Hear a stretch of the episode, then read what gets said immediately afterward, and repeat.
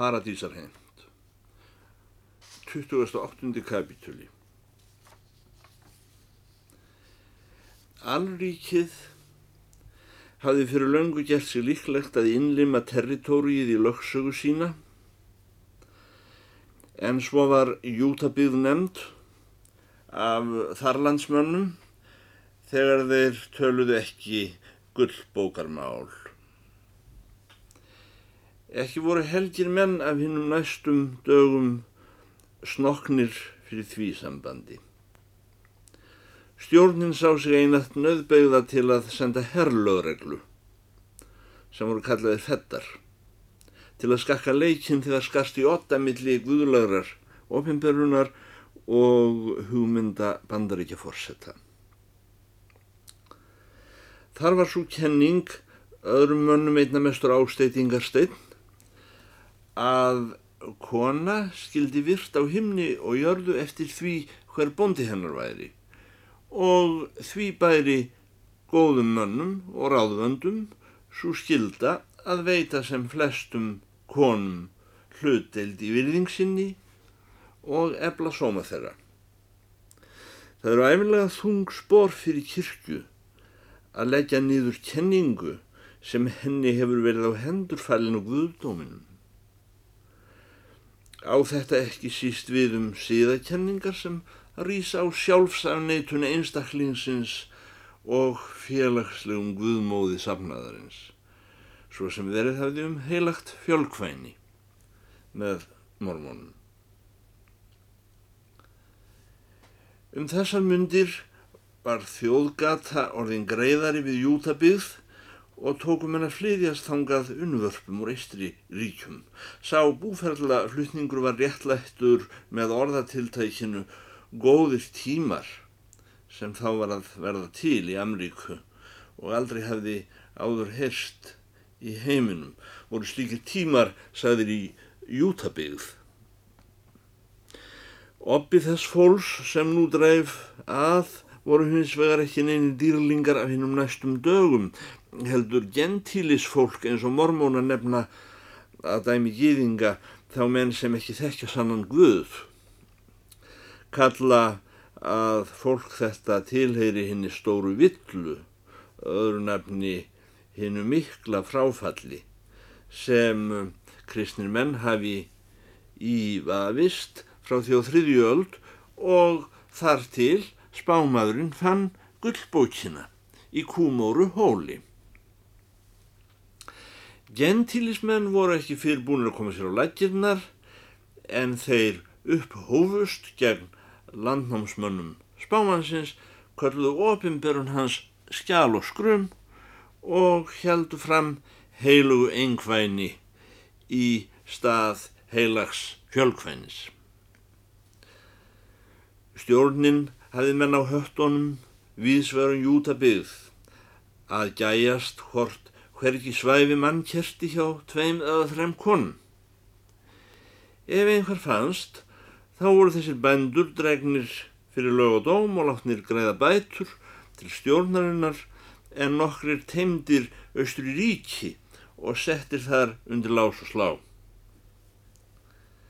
Var engum sælst til að lúskra framlegum mönnum í hverju sveitarfélagi, ef þannig mætti takast að hræða smákvíkjendin. Kemur nú að því er skoðaskal grant hvernig ástatt sé í spánskum forti. Hver hefði hlýðnast þar Guðs bóði í þessum punkti meira en lögum alríkisins? En sé þó nægilegur dándimaður til þess að svari kostnaði að lúskra honum. Þá berast böndin að þjóður ekki biskupi sem ratað hafði í þann glæp að lyfta matömu kolonei fyrrum barnegandi í skurðum, jafnhátt fyrir Guði og henni sann heilugu óbyrju í árn önnu og bæta síðan gráu ofan á svart með því að innsigla kjökrið Marju Jónsdóttur frá ömpuhjalli fyrir Guði að eilifu. Spánfyrkingar sögðu þettum að Delisá sem þeir leituðu að væri annað hvort á norðurpólnum ellegar í Finnlandi að kenna mönnum að faðma Guðspjallið.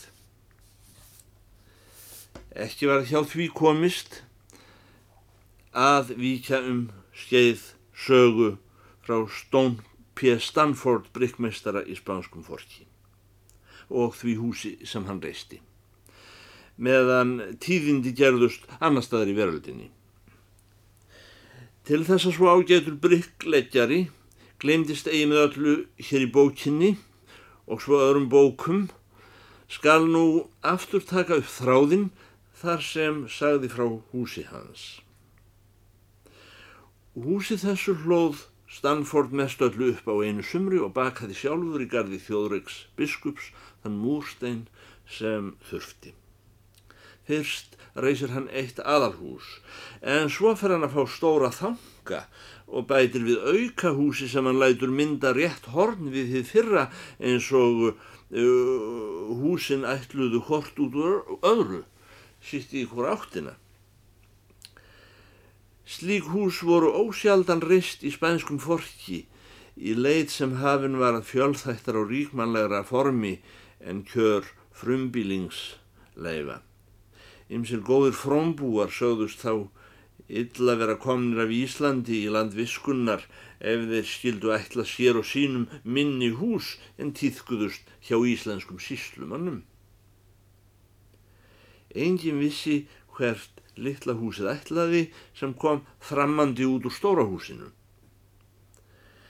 En í mentandi skemmtisögum af Englandi sem eru prentaða neðanmáls í dagblöðum vestanhafs og austan, þá er æfinlega talið að í fínum húsum komi menn ofan til dögurðar, down for breakfast, og ekki síst þess vegna höfðu góðir menn í spánskum forki svefnherbergi upp á lofti. Stone P. Stanford vildi ekki hugsa lægra en aðrir njótar Guðsríkis á jörðu. Hann let vera þrjárstofu niðri en í kokkúsinu hafði hann afkima handa hlýðakútnum sjálfum sér. Þar vonaðist hann til að fá að sitja í næði þegar hann var orðin gamall og kroppa af saldri sögðar hnútu með sjálfskeiðing meðan yngra fólkið, gestir og heimamenn væri að syngja inn í stofu.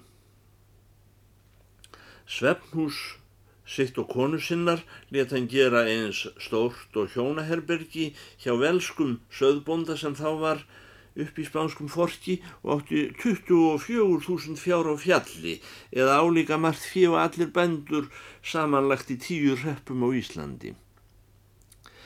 En uh, hann svaf uh, aldrei í þessu svefnhúsi sjálfur. Upp á lofti í viðbótarhúsinu sem gafl þess vissi í austur gegn fjallinu blessaða þar var allt í einu orði til herbergi sem vafðist fyrir hon að svara til um þegar hann var spurður hvað ætti ég að láta í það? Þegar dóttir mín vaknar fyrsta morgunin sinn í Guðsborg síjón saði hann þá mun sólinn rýsa yfir fjallið blessaða og skín á helga menn sól alviskunnar sól bíkúpunar sígóliljunar og máfsins og þá mun hún skilja föður sinn þó hún hef ekki skilið hann þegar hann smíðaði kistilinn forðum. Sónur minn sem á að hafast við í hinnum eh, loftsendanum, hann mun og skilja á þeim morgni að Egil Skallagrimsson og Norrökskonungar búa hér í spánskum forki eh, nema eru búinir að fá glampa réttlátra manna í augun og ornir yfirmenn í steikinni, sjötíungar og melkisedekkar. Úr einum vanda hafði honum ekki tekist að ráða. Það var hversu skildi blæjum tjálda fyrir glukkum dóttur hans. Aftur og aftur hafði Stanford spurt um hendu glukkatjöld í búð drottins Guðstíns eins og Verslunin hétt af því hún var ósörguð af köpmunum og þaðan sem horfi skjelvilegt auga með brottum eins og ígulkjær. Hann hafði látið bylta við mörgum ströngum en aldrei fundi neitt í átt við lit og rósir sem átt að príða þann dúk er vera skildi millir dóttur hans og þessa heilaga fjalls. Hann ber málið upp fyrir vönduðum aldurnignum öldungi í höfðborginni og spyr uh, hvitt eða mislitt. Uh, þegar hann fór að finna steikina í embættis erindum fyrir vörðuna. Þeir í saltsjóstað letu ekki á sér standað útvega honum hvað sem þurfti innan stokks en gardínur fyrir gluggan hjá stúlkunni það var þeim ofviða. Þessi seinumælti öldungur sem bjó yfir allri reynslu eðimerkurinnar myndi bryggleikjaran á að tvent væri honum númerin auðsin en gluggatjöld handa doktur sinni ef hann vildi halda áfram sem horði. Þið fyrra var að líta til góðra kvenna sem fljóta í reyðileysi eins og vorek á saltsjó eðimerkurinnar og geta þó ekki sokkið. Og leiða sér í hug hvort ekki væri tími tilkomin fyrir hann að innsigla einaða tvær sýstur á guðdómlegan hátt og gera svo sitt til að ebla þetta heilaga samfélaga múti gentílismannum. Þegar Bríkamur Júngi lág banaleguna heima hjá sér var fáni allríkisins látin blakta á húsi hans með bustónum 27 en fettar stóði alvæfni fyrir lutan saði hinn vitri öldungur eins og til að gera frekari rögleðslu óþarfa. Hitt var það, hæri bróðir, fer nú ekki smám saman að vera tími til að undirbindast þegn skildu góðs mormóns og fara á stað í gentilismanna lönd að kenna mönnum að faðma Guðspjallið. P. Stanford kom heim tví efldur af trösti sem hann hafi verið sínt með þörfum áminningum. Varferni og nærgætni í þessum áminningum hafði verið á svo háu stígi að því lengur sem hann hugsaði málið þeimum betur skildist honum að hann hefði í raunréttri verið tekinn til bænar. Sönn og hnýtt miðuð er svo ráning einn sem aður verður ekki varfið þegar hún er veitt en uppgötvar á morgun að maður hafi verið húðstryktur í gær. Hann stendur undir kvöld við gluggan þann sem fjallið blessaða blasir við. Það fjall sem nakið er eins og maður sem hefur ekki aðeins verið ferður úr fötum heldur einnig úr húð og holdi, taugum og blóði. Kanski var það við líkuðus og spámansins að mill þessar litlu stúlku þegar hún kæmi og þessa fjalls, fjallsins blessaða, fjallsins allsbera, þessar beinagrindur úr fjalli skildi ekki vera neinn blæja. Aldrei hefði verið jafn fjari bryggleikjaranum og nú er hann hefði grundað orðöldungsins að láta sér til hugar koma að búa í því húsi sem hann hefði reist.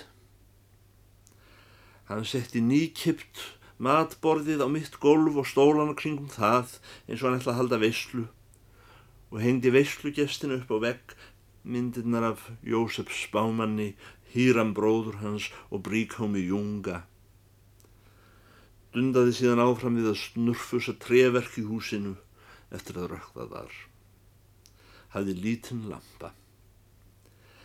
En þegar svefn sótti hann, hallað hann sér ekki í stóra rúmið þeirra hjóna, heldur lappað út í smíðakofan bak við húsið, eins og var vanur, í þessum kofa var gólfið sandur eðmerkurinnar. Rúmið hans var grind sem hann hefði sjálfur slegið saman og lagt á tvo stöpla eða knakka, annan til fóta, hinn til höfða. Þar var hann vanur að vefja um sig ábreyðu á kvöldin.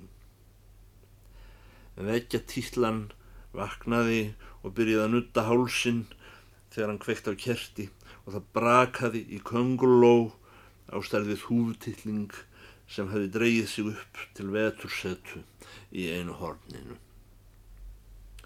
Hollur gustur stóðinum opið vindauðað. og af himninum skeinst í arna. Hann heldi vandlega sandinum úr skónum sínum áður en hann dróð sig til hryggjar. Það var á einhverju þeirra kvölda sem eru allra kvölda líkust öðrum kvöldum. Ekki einu sinni fundur í betrunarfélaginu. Og eh, bryggleggjarinn ætlaði að fara að býta brauðið sitt og sofa. Þá er honum send orð, hvort hann vilji ekki skreppa yfir í biskupsnúmerið og fá kjötsúpu. Hann þóði sér vandlega í framann eins og síður er undir hlýðunum þegar meðan fara á bæi og straug með lófanum og hann eftir skallanum á sér að því hann fannst hárið á sér stand út í loftið eins og uh, það hafiði gert með að var og hétt. Þegar hann kom í biskupsnúmerið var ljós á öllum glukkum. Þjóðreglur biskup var komin heim. Það lagði út úr húsinu aðalaðandi soðlikt af káli og alls konar jarðar ávexti og yfirleitt öllum mannfagnaði sem býr í amrískri kjettsúpu. Þjóðrekur hafi farið úr treyjunni og var sestur í stólinn sinn undir lampanum. Sjövetra drengur og áttavetra telpa lágu á hnjánum, á gólfinu fyrir framannan og virtu fyrir sér föður sinn, undrunarfull og aðdáunar. Drengurinn var komin með hattin hans og höfuðið, þennan undursamlega hatt, vafinn í smjörpappir sem aldrei áfjall blettur nýr hukka. Littla telpan biskupsins kom við tölurnar og skiptunni hans og saði, ó hvað eru fallega tölurnar og skiptunni í pápi minn. En yngsti drengurinn hennar matum með kolornei sem hafiði séð heimsins ljós hálfu ári eftir að fadir hans fór í burt. Hann hefði klifrað upp eftir föður sínum þanga til hann náði á hann glerónum. Stamford hefði naumast haft ráðrúm að helsa biskupnum þegar matum kolonei slæðir á móti honum utan úr eldúsinu eitt solskinsbrós öll personun og þrýstir upp að sér litfagri stúlku úr öðrum heimi sem horfir stórum spurnaraugum bent fram. Guði hersveitanna sé lofadýrir fyrir hvað átt mikinn gimsteina doktur fjörðu konunans fjóðraks okkar og kistunum beði mig og hann og okkur öll og óskað okkur til lukku segir Madama Collor nei. Já, haldið að sé ekki lukka að fá ilmandi rós og hann í þennan beina strjúk með alla kellingarlyktina, svona bjarta og reyna með óklest hjarta og það er einmitt í því veifinu sem hún ég er að komast úr barnegn. Nú byrja lífið aftur með sólskins dögum hér í biskupsnúmerinu eins og árið eftir hann þjóðreikur okkar drómi upp úr jarðfalli með sinina mína smáu sem nú er orðin stórir menn og komin í stríðið. Og ekkert myndi framarskikja á í biskupsnúmerinu væru ekki fjandans, ekki sem fettarnir, Guði hjálpi börnunum að limskast hér í kringum húsið langt fram á nætur. Einn var nú rétt búin að króa mig upp í skotinu hjá vestuninu í gerðkvöldi, hundfeita manneskuna með æðanhútana upp á lær og þar er ekki búin að tapa náttúrunni Guði sélof. Hann kisti dóttur sína eftir þeim síð sem hafður er undir hlýðunum og uh, þó ívið híkandi. Síðan kist hann Sonsson sem spratt fram úr einum skuggastofunar en hórugu sístkinnana varð orð á munni er þau mættu honum hér í eilviðinni. Fyrir hann spyr dóttur sína hvar móður þeirra sé þá segir stúlkan hún mamma er dáin líka. Síðan sögðu sískinin föður sínum frá því er konan dó á sjónum og var sögt. Drottin veri henni loðaður, sagði Stone P. Stanford. Hann kökur hlærið lítinn þann og bætir við, já, hérna. Það gerir nú minna til þó ég veit ekki hvað ég á að segja ef ég aðeins vissi hvort ég ætti að líta. Lítu í þess átt steinar minn og helsaðu sjálfu mér, saði Marja Jónsdóttir frá Ömpuhjalli. Hún sað með klukkubondan smáa undan hlýðunum í kjeltu sér. Á þeirri einni stund sem liðin var síðan hann kom, hér inn úr dyrum, var hún næstum því orðin amma hans.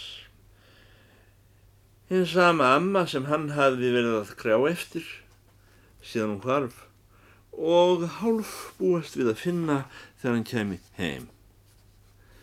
Því einhvern veginn hafði sveitnum fengið þá hugmynd að þegar henni var sökt á Allandshafinu hefði hún aðeins farið skemmri leiðin að þanga sem þau ætluðu öll.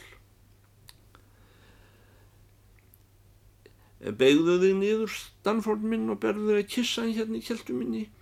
Hjælt Marja gamla áfram. Hann er sonur hennar, dóttur þennar elskulegrar fjörðu sýsturinnar okkar og hans þjóðreiks okkar. Ég vissi alla tíða einlegt meðan ég lifiði myndi ég halda áfram að eignast lítinn dreng að hafi þessum krumlum fyrir Guðs náð eins og heilug kona spáði mér í Vestmanægjum þegar ég var ung. Nú gengur Stone P. Stanford fyrir viðstanda og kissir alla upp aftur og byður hverjum einum góðs með þeim orðum sem hann kunni sönnust og réttust. E, síðan spyr hann dóttur sína frétta undan hlýðan. Það er svo sem allt gott, saði stúlkan og sög upp í nefn. Nefn á ósköp kallt vorið í vor með sífældum skunum upp aftur og aftur sem í grös og lömp sífæld að deyja í pitton. Hér grýpur bróður stúlkunar við orði, við orði. Við steina vorum að segja líklega hefði ekki verið annað eins vor undir hlýðunum síðan árið sem merin kasta honum krapa. Og grjótrun liggur mér við að segja með mesta móti úr fjallinu, sagði stúlkan. Ég gerir ráð fyrir því vegið við að nokkuð hafi verið gjafafrekt í sveitum næstliðin vetur, sagði eh, bryggleikjarinn. Það gæti líka stundum snjóandi hlýðunum á vorin. Fjö anaði þá út á ofþunn, loftin yfir hættunum, satt er orðið. Hvað ég ætlaði mér að segja, hrunið úr fjallin og í túnin, kannast maður við það. En svo er bót í máli í fyrir daga að Eh, við áttum góðan hest í hlýðum undir hlýðunum, þann sem þið nefnduð?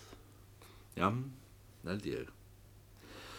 Þau hlustuðu undrandi á sig sjálf, tala aftur saman.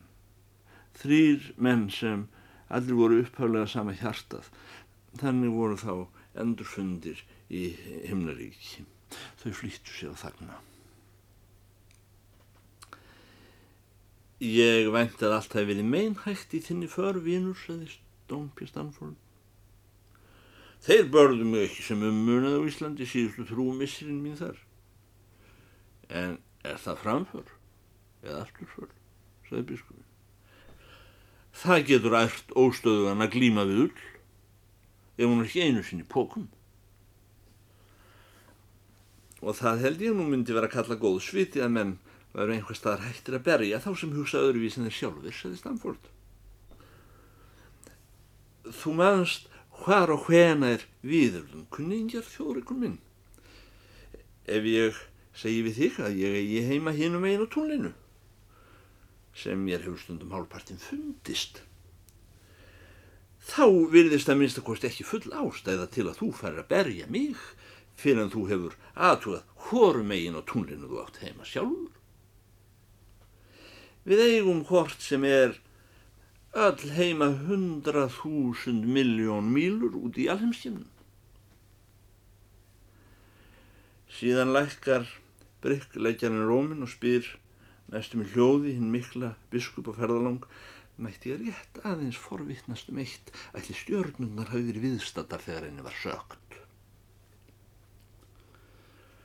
Stormurinn var gengið niður og, og það var farið heiða til og orðið stjórnum bjart í hálóftið, sagði biskupi. Það var gott, sagði Stone P. Stanford. Þá ætla ég ekki að spyrja um leira. Járn Anna bar inn kjötsúpuna í stórum potti og let um eitt borðið. Hún kallaði á alla að gera svo vel. Sess nú Sifjalið þetta undir borð og er fyrir fjölmend. Járn Anna settist ekki nýður þegar í stað heldur fór að auðsa súpunni í skálanar. Það er ekki síður með mormónum að heimilisfæðirinn geri kristsminni fremur en verkast vill, stundum einhver sistranna eða eitthvað barnanna og helgast það af því að húsbóndin er oft langtímum fjarrri að vinna nokkur gagn í fjarlægum stöðum. Í árna Anna settist og eigi að þessu sinni niður sjálf fyrir hún hefði gert kristsminni. Hún var heldur orðfá eftir náttúru grannholda manna. Er þökkum þér Guð, saði hún, fyrir að bróðir okkar hefur enn unni trúar afreg sem lengi mun minnst verða með helgum mannum og planta nýja jörg með fögru blómi sem mun hennar kyn lifa og dafna um aldur hér í eðimörkinni. Amen.